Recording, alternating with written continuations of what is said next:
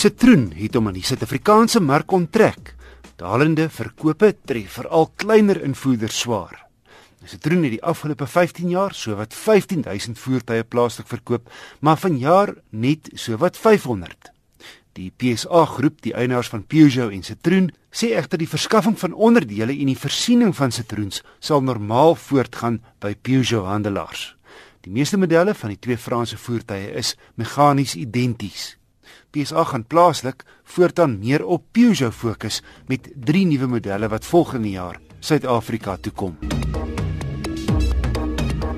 Hyundai het sy H19 sitplek busie na 7 jaar so bietjie opgedolly met subtiele kosmetiese verbeterings en 'n paar ekstra luksus en veiligheidskenmerke. Ek het die 2.5 VGTI turbo diesel gery. Dis 'n breë wa wat 'n derde sitplek tussen die twee voorstes het. Ek het die sitplekkie se rugleuning afgeslaan en dan gee vir jou lekker stoorplek met uh, ook twee koppiehouers. Twee sydeure aan elke kant wat heel maklik oopmaak en toemaak. So wat's nuut buite nuwe alloy wiele en 'n herontwerpte voorbuffer en rooster. Binne 'n nuwe sentrale paneelbord wat 'n nuwe klankstelsel huisves asook nou klimaatbeheer met liguitlate voor en agter. Ook nie is Bluetooth verbinding, spieëls wat kan invou, welkome togbeheer op die stuur wat nou met leer oorgetrek is en die paneelkussie kan koud maak. Verder is daar nou ook kantligsakke en elektroniese stabiliteitsbeheer. Nou gegee die welkome veiligheidstoevoegings is dit eienaardig dat Hyundai steeds volhard met net skootbelde vir die middelste passasier in die tweede ry en ook die middelste passasier in die derde ry. Jou Volkswagen en Mercedes bussies het almal volledige veiligheidsgordels. In die klas is dit net Hyundai wat vir jou leersitplekke standaard gee. Ondanks die drie rye sitplekke, 'n reuse bagasiebak sien, hierdie H1 is effens langer as jou standaard grootte mikrobus. Maar ek vind dit vreemd dat Hyundai met die opknapping niks gedoen het aan die derde rysitplekke nie, want die kan nie platvou of verwyder word nie. Toe ek 'n paar jaar gelede 'n Volkswagen Kombi getoets het en gehelp het met 'n trek, kon ek beide die tweede en derde rysitplekke uithaal.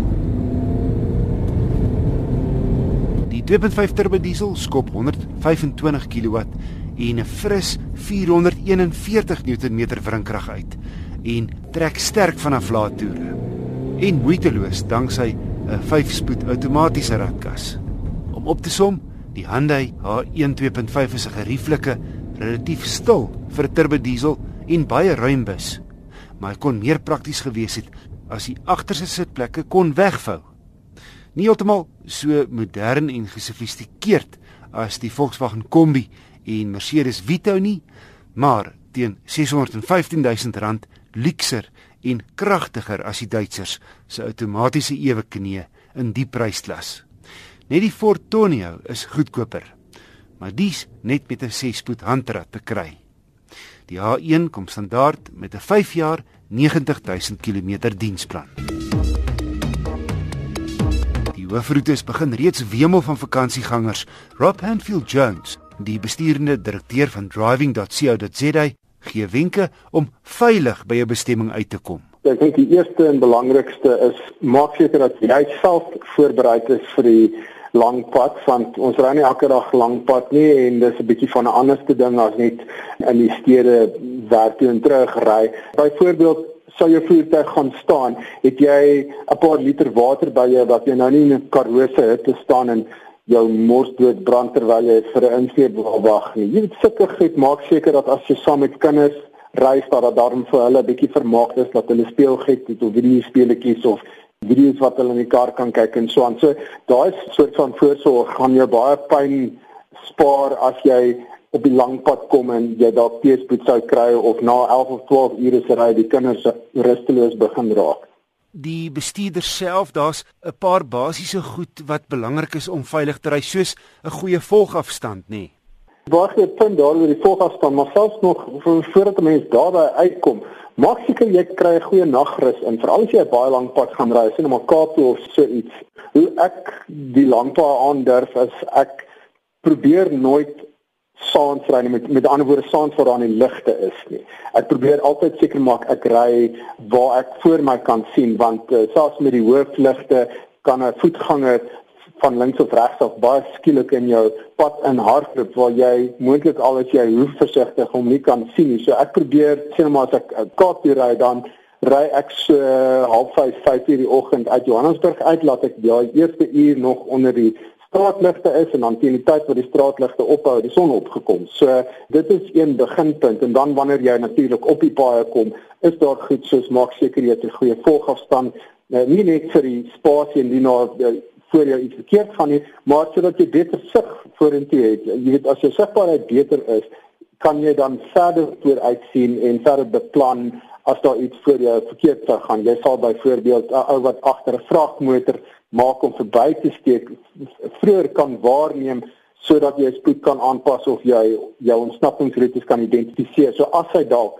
aan die verkeerde kant van die pad voor jou beland, jy reeds al daai besluit kon geneem het. Rap dis asof mense ongeduldig raak op die lang pad en dan begin vinnig jaag en kansse vat. Ja, dit is uh, mense veral as hulle met vakansie gaan, is is die groot doelwit om by die vakansiebestemming uit te kom. En veral nadat die mense 'n lang pad gery het, jy 5 of 10 ure lank gery, dan is jy bietjie moeg en uitgeput en jy wil nie eintlik by jou bestemming uitkom en dis daar waar die gevaar lê want jou fokus begin dan op die bestemming kom nie op die veilige uitkom by daai bestemming nie. En dis waar mense dan kans begin vat op sperstrepe verbysteek om blinde draaie verbysteek of te vinnig ry vir die heusende padtoestande. So dit kom weer terug na die voorbereiding vir die rit voordat jy op daai rit ry. Sê dan vir jouself, goed, ons ry nou sien maar van Johannesburg af Port Elizabeth toe. Dit is 'n 10 of 12 ure se ry. Ons gaan dit nie in 9 ure probeer doen nie.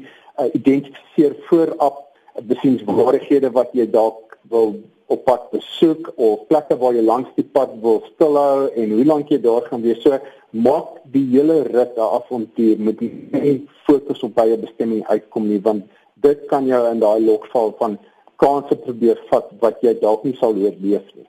Rob Anfield Jones van driving.co.za